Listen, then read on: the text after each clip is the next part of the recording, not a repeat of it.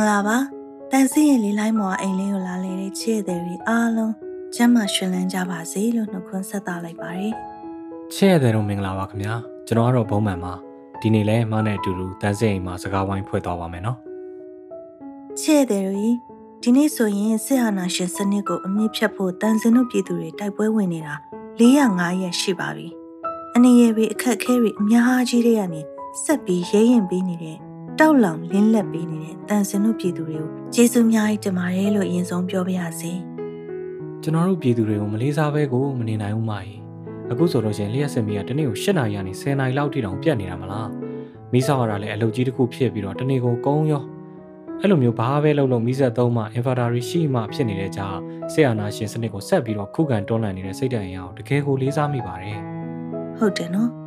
တစ်ဖက်မှာလည်းမီးပြက်လွန်းတာကတော့တော်တော်လေးကိုစိတ်ပြက်ဖို့ကောင်းတယ် နီးပညာအရာတစ်ခုခုမလုံလောက်လို့ပြက်နေတယ်ဆိုတာတဲ့တမင်သက်သက်ပြည်သူတွေကိုစိတ်သက်ပြက်ပြအောင်ဖျက်ဆီးနေတယ်လို့ပဲလို့တွေးမိတာပဲမီးရလာခြင်းတဲ့အချိန်လားပြက်ချင်တဲ့အချိန်ပြက်နေတာဆိုတော့လူတွေကမီးလေးလာလို့ရှိရင်လာတဲ့အချိန်မှာရေတင်းဖုန်းအားသွင်းထမင်းချက်နဲ့ပတ်ချလေးလိုက်နေရရောဒီတော့တနေ့တနေ့တခြားဟာတွေတွေးဖို့လုပ်ဖို့စိတ်ကမရောက်နိုင်တော့ဘူးအမှန်ကဒါမျိုးဆိုတာလူနေမှုဘဝဆုံးရှုံးတာရတဲ့ရထိုက်တဲ့လူအခွင့်အရေးကိုထိပါခံရတာ ဟုတ်တယ်မကြီးအခြေအနေကခြံနဲ့ဝင်းနဲ့နေနိုင်တဲ့သူတွေတောင်မှခြံနဲ့ကတေကိုင်းကြောက်ကောက်ပြီးတော့အုံနီကယ်တွေဖိုကလောက်ဆိုင်ပြီးတော့မိဖို့နဲ့ပြုတ်နေရတယ်အာနာသိန်းခံရပြီးတစ်နှစ်အတွင်းကျွန်တော်တို့ဘဝတွေဘလောက်တောင်နှင်းကြသွားသလဲအဲ့ဒါသာကြည့်တော့တကယ်ဆိုလို့ရှိရင်လျှက်စစ်မီးဆိုတာအခုလိုခေတ်မှာနိုင်ငံတကာနိုင်ငံတိုးတက်ဖို့အတွက်မရှိမဖြစ်အရေးကြီးတဲ့အရင်းမြစ်ကြီးပဲလေပြည်သူတွေဘဝအဆင်ပြေဖို့အချိန်မရွေးနေရာမရွေးအလုပ်လုပ်နိုင်ဖို့စာသင်နိုင်ဖို့ရသင်ရလိုက်တဲ့သတင်းအချက်အလက်တွေကိုရဖို့အကုန်လုံးကလျှက်စစ်မီးသုံးနိုင်မှာအဆင်ပြေမဲ့ဟာရေးကြီးပဲဒါကိုရည်ရွယ်ချက်ရှိရှိဖြတ်တောက်နေတာဟာ ပြည်သူတွေဘဝအစစ်အတန်းနေလို့မကလို့အဝေစီကြကျင်ကြသူတို့အာဏာမြဲပြီးအုပ်ချုပ်ရရင်ပြီးရောဆိုတဲ့သူတို့ရဲ့စေတနာတွေဘလောက်ဆိုးလဲဆိုတာအထင်းသားကိုမြင်နေရတယ်။ဒါကိုတော့လျှက်စစ်မီးမရှိတဲ့အချိန်စာဖတ်ပါတို့နေရောင်ကိုအကျိုးရှိရှိသုံးပါတို့လာပြောနေတယ်ဆိုတော့ဟမ်မပြောချင်တော့အခုဆိုလို့ရှိရင်မီးပြန်လာတဲ့အချိန်မှာကလေးလေးတွေပျော်လို့ထအော်တဲ့အတန်ကြားလို့ရှိရင်လေရှင်ထဲမှာစူးအောင်ပြီးတော့နားလာတယ်။ တန်စင်တို့ငငယ်တော့ကလည်းအဲ့လိုပဲမီးမလာလို့ဖျောင်းနိုင်တဲ့စာကြည့်ရင်လည်းမီးလာလို့ရှိရင်ပျော်ခဲ့အော်ခဲ့ရတာလေ။သူများနိုင်ငံတွေအာကာသတွေကိုသွားနေတဲ့အချိန်မှာတန်စင်တို့ကတော့မီးမလာတဲ့ညတွေမှာခြေတွေကိုထိုင်ကြည့်နေခဲ့ရတယ်။ဒါကိုပဲရိုးရှင်းတဲ့ဘဝလို့အတင်းကိုစိတ်ကူးရင်လိုက်သေးတာ။အခုမှ88ကာလကိုကြုံဘူးတဲ့မိပါတယ်ဘလောက်ရင်နာကြမလဲခံစားမိတယ်။မီးလာရင်ကလေးလေးတွေကဟေးလို့အော်တဲ့အတန်ကြီးအပျော်တွေဆိုတာလေ မိဘတွေအတွက်ရင်ကွဲရတဲ့အတန်တိုင်းပြည်တစ်ခုကိုမကောင်းဆိုးဝါးလက်ထဲကိုထည့်ဖို့ဖိတ်ခေါ်နေတဲ့အတန်လိုပဲနေမှာ။အဲ့ဒီလိုမျိုးပူပန်ထုံထိုင်းမှုတွေနောက်မှာကပ်ပါလာတဲ့အတူရောင်ပြော်တွေနဲ့နေသားကြမတော့ဘူးလေလူတွေနော်မဟုတ်လို့ရှိရင်တောက်တစ်ခေါက်ခေါက်နဲ့ဒေါသတွေကြိတ်ထွင်နေမျိုးဆက်တွေအများကြီးစရီးလိုက်ရပြီးဘဝဆုံးသွားလိမ့်မယ်အခုခေတ်စားနေတဲ့ဂျုံတခင်းလုံးတိမ့်သွားပြီးပါမုတ်တစ်ချက်လာပြီးတာကိုကျေးဇူးတင်တတ်နေတော့ကျွန်းသက်ရှည်အောင်မဲ့ကိုလူတို့ဆိုတဲ့စကားလိုမျိုးပေါ့တိတ်မှန်တာပေါ့ ငကိုကလေးကရပိုင်ခွင့်ရှိပြီးသားအရာအတွက်ဘာမှသူတို့ကျေးဇူးတင်နေစရာမလိုအမှန်ကဖိနှိပ်ချုပ်ချယ်ခံရတာများလွန်းလို့လူတွေကကိုယ့်ရဲ့ရပိုင်ခွင့်ကဘာလဲဆိုတာကိုမသိတော့ဘဲနဲ့ထုံသွားတာအဲ့ဒီထက်ပိုကြလာလို့ကိုသားသမီးတွေအလှည့်ကြရင်အဲ့ဒီလိုရပိုင်ခွင့်မျိုးဆိုတာမရရင်ရအောင်လုပ်ယူခွင့်ရှိတယ်ဆိုတာမျိုးမသိလို့ရကောင်းမှန်းမသိသူတို့ချေလေသမျှ ပေးသမျှကျွေးသမျှပဲစားခွင့်ရှိတဲ့အစ်စ်အတန်းကိုရောက်သွားမှာအဲ့ဒီလိုမျိုးမသိတာနဲ့နေသားကြလေလေရုံးထွက်ဖို့အတိဝင်ဖို့ခက်လေလေဖြစ်သွားပြီးတော့နောက်ဆိုလို့ရှိရင်လေဖမ်းထားစရာတော့မလိုဘူးရုံးရကောင်းမှန်းတော့မသိဘူးဖြစ်သွားတော့မှာတသက်လုံးတန်ချင်းကျိုးတူတူနဲ့ခြီထားခံလို့ရှီတို့နောက်ဆုံးပဲလောက်တတ်တဲ့ဆင်တွေလိုပေါ့ထိန်းချုပ်ခံထားရတာနဲ့နေသားကြနေတဲ့ဆင်ဟာကြာလာလို့ရှိရင်တန်ချင်းကျိုးဖြုတ်ပြီးလဲရှီတို့နောက်ဆုံးပဲလောက်တတ်တော့ပြီးတော့ထွက်မပြေးတတ်တော့ဘူးလေ ရှစ်ဆက်ချင်နောက်ပိုင်းကြီးပင်းခဲ့တဲ့လူတွေမှာအဲ့လိုထွက်မပြေးတတ်တော့ဘဲနဲ့ဖြစ်တယ်လို့ပဲဘဝကိုဖျက်တလိုက်တဲ့လူတွေများတယ်အဲ့တော့ဘာဖြစ်လဲဆိုတာကြည့်အာနာယူတဲ့စစ်ဗိုလ်ချုပ်တွေနဲ့ကိုယ်နဲ့ပတ်သက်နေတဲ့အဖွဲ့အစည်းမကောင်းမှန်းသိသိကြီးနဲ့ကိုပေကတ်ငြိမ်နေတဲ့စစ်သားတွေရှေးတုံးနောက်ဆုတ်ကနေလွဲပြီးမလုတ်တက်လို့ပြည်သူကိုတည်ရတဲ့စစ်သားတွေအများကြီးအမြင့်တွယ်နေတာပဲလေဟုတ်တယ်ဒါကြောင့်မီးပြတ်လို့ရှိရင် EPC ကိုထိုင်ဆဲနေတာထက်အစဲခံရရင်မီးလာအောင်လုပ်ပေးနိုင်မယ်အစိုးရပြန်ရအောင်လုပ်ရမယ် စိတ်ညစ်လက်လျှော့လိုက်တာထက်တိုင်းပြည်ကိုညှင်းပြီးတော့တတ်နေတဲ့မိစ္ဆာတွေကိုအပြတ်ရှင်းဖို့အားထည့်ရမယ်အခုယူကရိန်းမှာဆိုလို့ရှိရင်ရုရှားစစ်သားတွေစီကိုတိုက်ပေါ်ကနေပြီးတော့ Molotov ဘုံတွေတက်ညီလက်ညီပစ်ချကြတာအားရစရာကြီးတန်စင်တို့ပြည်သူတွေလည်းလူညီရင်ဘာမှကြောက်စရာမရှိဘူးမဟုတ်လားဟုတ်တယ်မကြီးလူညီမဖြစ်လိမ့်မယ်ကဲဒီတော့ နေတဲ့နေရာအနီးဝေးမရွေးဘဲနဲ့ရေဦးတော်လိုင်းရဲ့အတွက်တက်ညီလက်ညီဆောင်ရွက်နေကြတဲ့သူတွေရဲ့စကားသံတွေကိုနားထောင်ကြည့်ရင်ညီညွတ်မှုခန်းစားချက်လေးကိုမောင်းတင်ကြည့်အောင်နော်ချဲ့တယ်တို့ရေပြည်တွင်းကပြည်သူတွေတွေမကဘူးနိုင်ငံတကာမှာရောက်နေတဲ့မြန်မာနွယ်ဝင်တွေကလည်းကိုယ့်ရဲ့ဇာတိမြေအတွက်အခုချိန်အထိအင်တိုင်းအားတိုင်းနဲ့ပါဝင်နေတော့မယ် မြန်မာပြည်ကိုမပြန်မဖြစ်ပြန်ရမယ့်သူတွေတွေမကဘူးအလောက်အကိုင်းနဲ့မိသားစုနဲ့နိုင်ငံခြားမှာအခြေတကျအေးအေးဆေးဆေးနေနိုင်တဲ့ဘဝအခြေအနေရှိတဲ့လူတွေပါအမိမြေယာတော်လှန်ရေးအတွက်ရန်မုံငွေရှာတာကနေစပြီးလုံးလို့ရတဲ့နေရာတိုင်းကနေကာယညာနာအားသုံးနိုင်သမျှသုံးပြီးတော့ပါဝင်နေကြပါတယ်အခုပထမဦးဆုံးအမေရိကမှာနေထိုင်နေတဲ့မြန်မာအမေရိကန်အမျိုးသားတဦးပြောထားတာကိုနားထောင်ကြည့်အောင်နော် နေသားသလိုနေလို့ရတယ်ဆိုပေမဲ့တော်လန်ရေးမှာပါဝင်လှုပ်ရှားနေတယ်ဆိုတာကတော်လန်ရေးမှာလူမှုအင်အားဆိုတာကအရေးကြီးတယ်လေလူမှုအင်အားကောင်းမှတော်လန်ရေးအင်အားကောင်းမယ်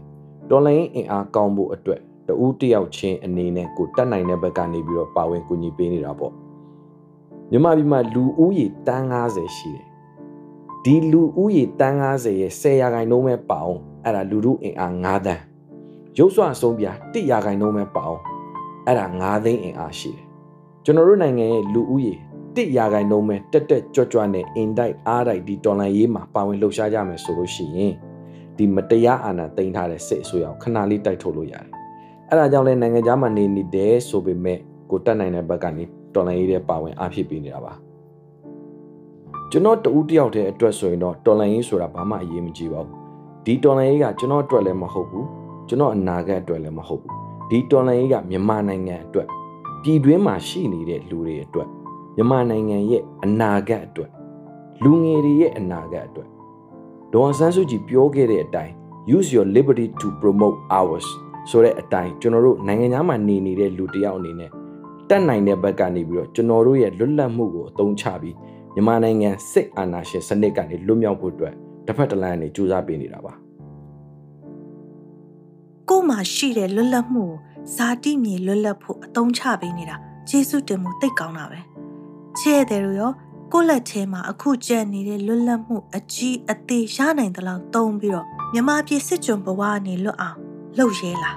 တော်လန်ရင်ကိုမသိချင်အောင်စောင်းပြီးနေသားသလိုနေနေတဲ့သူတွေကိုတည်င်းစကားပါလိုက်ခြင်းနဲ့ဆိုတဲ့ဂျပန်နိုင်ငံစကူဘာမြို့ကသူရိန်ဝင်းရဲ့စကားကိုနားထောင်ကြည့်အောင်နော်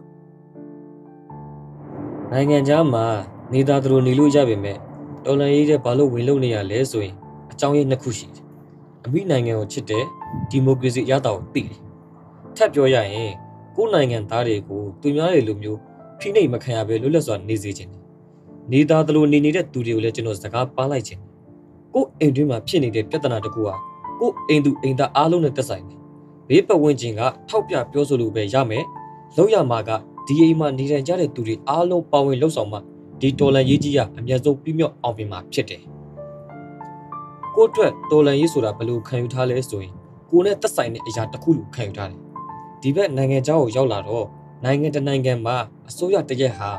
သုံးပုံပုံနှစ်ပုံလောက်အရေးပါရဆိုတာပိုသိလိုက်ရတယ်။အစိုးရမကောင်းရင်အဲ့နိုင်ငံကတိုးတက်လာစအကြောင်းမရှိဘူး။ကျွန်တော်တို့ရဲ့အမြင်တွေကျဲဖို့လိုတယ်။ကိုမမလုပ်ရင်ကိုတယောက်စာခိုးလိုက်မယ်ဆိုရင်ရှေ့တုန်းကနွားတို့ဥပမာလိုမျိုး မနဲ့ကြတော့ရေရီလာထည့်ထားတဲ့ပြည်သူတွေလိုကျွန်တော်တို့ဖြစ်နေလိမ့်မယ်ကျွန်တော်တို့မှာကျွန်တော်တို့အစိုးရ UNG လည်းရှိတယ်ကျွန်တော်တို့ရဲ့ပြည်သူတက်မတော် PDF လည်းရှိတယ်ကျွန်တော်တို့ဘာကိုကြောက်နေကြအောင်ပါလဲပြည်ရင်းပြည်ပတောင်ပေါ်မြေပြတသားတဲ့ဖြစ်နေတဲ့ဒီတော်နယ်ရေးအရာအောင်မြင်မယ်လို့ကျွန်တော်ကတော့ယုံကြည်တယ်ကျွန်တော်တို့အားလုံးနွားနို့စစ်စစ်တောက်ဖို့ကကိုယ်တိုင်နွားနို့တစ်ခွက်စီယူလာမှရမှာပါကိုယ်တိုင်စလုံးမှဖြစ်မယ်ဆိုတာချဲ့တယ်လို့လည်းသိပြီးသားပါငါတို့မှငါတို့ပဲရှိတယ်လေခတ်တော့ခတ်မယ်ဒါပေမဲ့ မြန်မာတွေပူးပေါင်းလုပ်လို့ရှိရင်အောင်မြင်မယ်လို့ယုံလို့ပြည်ပမှာအနေကြပေမဲ့ဒေါ်လာရင်းတိုက်ပွဲဝင်နေတာလို့ပြောလာတဲ့မြန်မာအမေရိကန်အမျိုးသမီးတူရဲ့အတန်ကိုအတူတူဆက်ပြီးတော့နားထောင်ကြည့်ကြမယ်နော်ပြည်ပရောက်ဗမာတယောက်အနေနဲ့ကောလူသားတယောက်အနေနဲ့ကောမြန်မာပြည်တွင်းမှာမတရားမှုတွေကအထွတ်ထိပ်ရောက်အောင်ဖြစ်နေတဲ့အခါမှာတတွေးတစ်ချက်ပဲထွေးနိုင်တာပဲဖြစ်ဖြစ်ကူပြီးလုပ်ပေးရမယ်ဝတရားရှိတယ်လို့ခံယူထားလို့ပါဝင်ပြီးလုပ်ပေးနေတာဖြစ်တယ်။နောက်ပြီးတော့ ပပြည်တွင်းပြည်ပကဗမာတွေစုပေါင်းပြီးလှုပ်လိုက်လို့ရှိရင်အနှစ်60ကျော်ဗမာပြည်မှာပြည်သူပြည်သားတွေကိုမတရားအနိုင်ကျင့်နေတဲ့စစ်အာဏာရှင်စနစ်ဆိုးကြီးဟာပျောက်ကွယ်သွားနိုင်မယ်လို့လည်းယုံကြည်ပါတယ်ခက်တော့ခက်ခဲပါမယ်ဒါပေမဲ့ပူပေါင်းလို့ရင်ဖြစ်နိုင်တယ်အခုချိန်ကလည်းအချိန်ကောင်းလို့ယူဆလို့ကူညီပေးနေခြင်းဖြစ်ပါတယ်နောက်ပြီးတော့လည်းတော်လှန်ရေးဆိုတာဟာအမြင့်တွယ်နေတဲ့စနစ်တစ်ခုကမကောင်းတဲ့အခါမှာ နှစ်ပေါင်းများစွာအမြင့်တွေတာကိုပျောက်သွားအောင်ဒီစနစ်တကျစုယုံပြီးတော့တည်တည်ချာချာလှုပ်ဆောင်နေတဲ့အရာတစ်ခုလို့ခံယူပါတယ်။တန်စင်လေးဒီမှပြောသွားသလိုပဲအခုအချိန်ဟာစစ်အာဏာရှင်ကိုအမြင့်ဖြတ်ဖို့အချိန်ကောင်းလို့ယုံကြည်တယ်။ဒီအခွင့်အရေးကိုလက်လွတ်ခံနိုင်လို့ရှိရင်စစ်ကြွသက်ရှေ့ဖို့ပဲရှိတယ်။ဒီတော့အတူတူအဆုံးထိဆက်တိုက်ပြီးတော့အနိုင်ယူမှဖြစ်မယ်။ကဲအခုဆက်ပြီး ဘယ်နေရာရောက်ရောက်ကျွန်တော်ကမြန်မာလို့ခံယူထားလို့ဒီတော်လှန်ရေးမှာပါရပါတယ်ဆိုတော့ကိုဒင်းခိုင်ရဲ့ယင်းကတော်လှန်ရေးစေတနာကိုကြားရမှာပါမင်္ဂလာပါကျွန်တော်နာမည်ဒင်းကိုင်းလို့ခေါ်ပါတယ်အမေရိကန်ပြည်အောင်စုမှာနေပါတယ်ကျွန်တော်ဘယ်နေရာကိုပဲရောက်ရောက်ဘယ်နေရာမှာနေနေမြန်မာတယောက်လိုပဲကိုယ့်ကိုယ်ကိုသတ်မှတ်ထားပါတယ်ဒီຫນွေဦးဒေါ်လာရေးကြီးဟာမြန်မာနိုင်ငံမှာဆယ်စုနှစ်များစွာရှင်သန်ကြီးထွားလာတဲ့ အာဏာရှင်စနစ်ဆိုးကြီးကိုအမြင့်ကနေတိုက်ဖြတ်တွန်းလှန်နေတာပါဒါကြောင့်လူတိုင်းနဲ့ပတ်သက်သလိုလူတိုင်းလူတိုင်းလည်းအုတ်တချက်တဲတပွင့်အနေနဲ့ပါဝင်ဆောင်ရွက်ရမှာဖြစ်ပါတယ်။ကူညီနိုင်တဲ့လူကကူညီမယ်လှူဒန်းနိုင်တဲ့လူကလှူဒန်းမယ်တိုက်နိုင်တဲ့လူကတိုက်မယ်ယခုဆိုတော်လိုင်းရေးသူရဲကောင်းများစွာအသက်စတေးခဲ့ရပြီးပါပြီအုတ်တရှတဲတပွင့်စီအနေနဲ့ဆိုရင်တော့ဘာမှမမေရရဖြစ်မလာနိုင်ပေမဲ့အားလုံးစုပေါင်းလိုက်လို့ရှိရင်တော့ ဒီမိုကရေစီဆိုတဲ့အဆောက်အုံကြီးဖြစ်လာနိုင်မှာပါယခုအချိန်မှာအားလုံးတက်ညီလက်ညီနဲ့ဗျိုင်းတူတွင်းရင်အောင်မြင်မှာပါချဲ့တယ်ရီအချိန်ကောင်းကိုအမိအယဆုပ်ကိုင်းပြီးတန်စင်တို့အားလုံးဒီမိုကရေစီအဆောက်အဦကြီးကိုအတူတူစောက်ကြရအောင်နော်ကဲအခုဆက်ပြီးတော့အမေရိကမှာနေနေတဲ့မတ်နီနီကစာနေရေးပို့ထားတဲ့တော်လှန်ရေးစကားတန်ကိုတန်စင်ဖတ်ပြမယ်နော် နိုင်ငံအပြင်ဘက်မှာနေနေတာဖြစ်တဲ့အတွက်မြန်မာနိုင်ငံရဲ့ကျန်းမာရေးကဏ္ဍပညာရေးကဏ္ဍနဲ့စီးပွားရေးကဏ္ဍတွေမှာတခြားနိုင်ငံတွေနဲ့ရှင်လိုက်ရင်ဘလောက်နှိမ့်ကြရဲဆိုတာကိုသိလာရတယ်စစ်တပ်ရဲ့နိုင်ငံရေးမှာအုပ်ချုပ်ရေးမှာပါဝင်ဆွတ်ဖက်နေမှုတွေဟာနိုင်ငံကောင်းကျိုးအတွက်ထက်သူတို့အကျိုးသူတို့ချမ်းသာကြွယ်ဝမှုအတွက်ပဲဆိုတာပိုပိုသိလာရတယ်။သူတို့ကသာချမ်းသာလာတာတိုင်းပြည်ကတနေ့တစ်နေ့စုပ်ပြတ်လာတယ်။တိုင်းပြည်စုပ်ပြတ်တော့လူတွေဆင်းရဲလာတယ်။ ဆင်းရဲလာတော့အကျင့်စာရိတ္တပြတ်ပြားလာကြတယ်။တကူကောင်းဆန်လာကြတယ်။အဲ့ဒါ human resource ကဏ္ဍမှာအစားထိုးမရတဲ့ဆုံးရှုံးမှုပဲ။ဥပဒေစီရင်ရေးမှာရောကြည့်မလား။စစ်တပ်နဲ့ပတ်သက်တဲ့အမှုတွေမှန်သမျှလေထဲလွင့်သွားတယ်လို့ပဲကြက်ပြောင်းငှက်ပြောင်းပျောက်သွားကြတော့တာစစ်တပ်ကအာဏာသိမ်းလိုက်နှစ်အနည်းငယ်ကြာလာရင်စစ်ပေါင်းမီချွတ်ပြီးတော့အရသာအစိုးရပြောင်းလုပ်လိုက်နေအရေးကွန်ပြောင်းအုပ်ချုပ်ပိုကြနေတာနှစ်ပေါင်းလေး60ရှိခဲ့ပြီ ဒီတစ်ခေါက်ကိုတော့ကျမတို့ပြည်သူလူထုဘက်ကရှော့ပေးလိုက်ရင်နောက်ထပ်အနှစ်20ပဲကျမတို့ကအသက်ကြီးပြီသို့တော့မသေးခင်ဒီမိစ္ဆာစစ်တပ်ရဲ့အုပ်ချုပ်မှုအောက်ကနေရုံထွက်နိုင်တဲ့နိုင်ငံသားဖြစ်လို့တဲ့အတွက်ပြီးတော့ကိုယ့်နိုင်ငံတိုးတက်ဖို့အတွက်ကိုယ့်လူမျိုးကြီးပွားရေးအတွက်နိုင်ငံအပြင်မှာနေနေကြပေမဲ့ we're fighting for the freedom ကိုယ့်အတွက်တော်လှန်ရေးဆိုတာဘာလဲဆိုတော့မြမပြည်ပြန်လဲဥမော့ပြီးတိုးတက်ကောင်းစားသွားအောင်လုပ်ပေးနိုင်မယ်ကိုချိုးမဖက်တဲ့အစိုးရဆိုရင် မြည်သည့်အစိုးရကိုမဆိုကျမလက်ခံတယ်အဲ့ဒီအစိုးရဟာတိုင်းရင်းသားအားလုံးရဲ့ကျန်းမာရေးစီးပွားရေးပညာရေးအပြင်လုံခြုံရေးကိုပါဒန်းတူညီတူတာဝန်အပြည့်ယူပေးနိုင်တဲ့အစိုးရဖြစ်ရမယ်ကိုပြည်သူပြည်သားကိုမနှင်းဆဲမနှိပ်စက်မတက်ဖြတ်တဲ့အစိုးရဖြစ်ရမယ်။တရားစီရင်ရေးဘက်မှာဗတ်မလိုက်တဲ့အစိုးရဖြစ်ရမယ်။စစ်တပ်ကိုတိုင်းပြည်ကာကွယ်ရေးအတွက်ပဲလောက်ကင်ခွင့်ပေးထားပြီးတက်တွင်းတက်ပြင်ညီတိစီးပွားရေးကိုမှ စစ်တပ်ကိုလောက်ကင်ခွင့်မပေးတဲ့အစိုးရဖြစ်ရမယ်။အဲ့ဒီအစိုးရတရက်ထွက်ပေါ်လာသည့်အထိ soft power နဲ့ hard power စတဲ့နှီးပေါင်းစုံနဲ့ပြည်သူတရက်လုံးကအာသွန်ခွန်ဆိုင်တညစ်တညွတ်ထဲလှုပ်ရှားခြင်းကိုတော်လှန်ရေးလို့ကျွန်မခံယူပါတယ်။မနီနီလိုမျိုးမသေးခင်ဒီမိစ္ဆာစစ်တပ်ရဲ့အုပ်ချုပ်မှုအောက်ကနေရုံးထွက်နိုင်တဲ့နိုင်ငံသားဖြစ်ခြင်းနဲ့ဆန္ဒရှိတဲ့သူတွေလည်းအများကြီးပါ။ ဒီတော့လူတိုင်းကကိုယ့်တာဝန်ကိုယူပြီးလုံးဝနောက်မဆုတ်ဘဲနဲ့ပါဝင်မယ်ဆိုလို့ရှိရင်နှစ်ပေါင်း60ပြည်သူတွေကိုဂုတ်သွေးဆုံနေခဲ့တဲ့ဒီစနစ်ဆိုးကြီးနောက်ထပ်အနှစ်20သက်ဆိုးဆက်မရှိဖို့အမြင့်ဖြတ်နိုင်မှာပါ။ကဲဒီနေ့နောက်ဆုံးအနေနဲ့နိုင်ငံခြားမှာအလုံးလုံးနေရကနေကိုယူတစ်နေဆိုတဲ့တာဝန်ကိုထမ်းဖို့တကူးတကမြန်မာနိုင်ငံကိုပြန်သွားပြီးအမိမြေအတွက် PDF တပ်သားအဖြစ်တိုက်ပွဲဝင်နေတဲ့ကိုမိုရီရေးထားတဲ့ကြပြလေးနဲ့အဆုံးသတ်ချင်ပါတယ်။ပုံမှန်ဖတ်ပြပေးပါနော်။ကျွမ်းကျင်ရလိမ္မာရတဲ့ တနက်ကင်မိုလမ်းစဉ်ဆိုတာငါတို့စိတ်ထဲမရှိခဲ့တဲ့အလုပ်တာဝန်တစ်ခုလိုပခုံးထန်းတင်ញင်ရောက်တော့လဲတောတဲ့အိတ်ဆိုလဲအိတ်တာပဲချောင်းရင်မြောင်းရီတော့ထမင်းငတ်တဲ့ရှည်တန်းရက်တွေလဲကြော်ဖြတ်နေလိုက်တာပဲမတိမှုတွေကိုလေ့လာမတက်ကျွမ်းမှုတွေကိုလေ့ကျင့်ကြည်မလောက်မငါဖြစ်မှုနဲ့တနက်ကောင်းကောင်းကင်တိုက်ချင်စိတ်ကလွှဲရင်လူငယ်တွေဘာမှများညှဉ်းညူညူဆူဘူးတလဲအသက်တွေပျော်ပျော်ကြီးပေးပြီးတိုက်တယ်ခေါင်းဆောင်မှုဆိုလို့စတိတ်ကျောင်းမှာတော့အတင်းကောင်းဆောင်လုပ်ဖို့စိတ်မပါတဲ့ကောင်တွေကတိုင်းပြည်ရဲ့တာဝန်ကိုထမ်းငရဲလန်းကိုပျော်ပျော်ကြီးလှမ်းပါတယ် ဒီခရီးဝေးလဲတိုက်မယ်နီးလဲတိုက်မယ်တော့ပျော်ကြီးတွေလေငါတို့ကစောက်ရမ်းအထာကြတဲ့သဘုံလေးကွာခစ်တခစ်ရဲ့ဝန်ကိုထမ်းနေကြတာလို့ကြံဖန်ခုံယူခဲ့ကြတယ်ရှေ့တန်းမှာတိုင်းရင်းသားရဲဘော်ရဲဘက်တွေနဲ့အတူတူအော်ဆဲဗမာစုပ်စခရီတဲ့ပြည်မာသားဗမာစစ်စစ်တွေကလည်းမင်းတို့ကဗမာစုပ်တွေငါတို့ကဗမာကောင်းတွေလို့အော်ဆဲရင်းနဲ့ရီးကြဒီပွဲက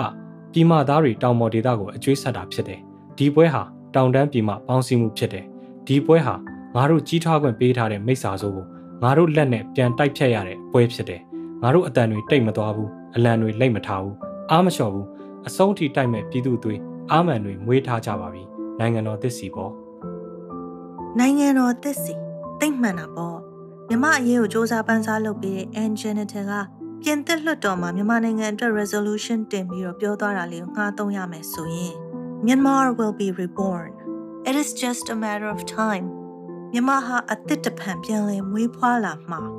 အချိန်တစ်ခုပဲလိုတာပါတဲ့ဟုတ်တယ်တန်စင်တို့ပြည်သူတွေနဲ့ထိုက်တန်တဲ့နိုင်ငံတော်တစ်တစ်ခုကိုပြန်လည်မွေးထုတ်နိုင်မှုတန်စင်တို့အားနဲ့မှန်နေရှေ့ဆက်ကြရအောင်နော်ကဲဒီတစ်ပတ်တော့ဒီမှာပဲနှုတ်ဆက်လိုက်ပါတော့မယ်ချဲ့တဲ့တို့ရေတန်းစင်ကိုပတ်စင်စနေနေ့မှာနားဆင်ရမှာဖြစ်လို့နောက်ပတ်တွေမှာပြန်တွေ့ကြပါမယ်နော်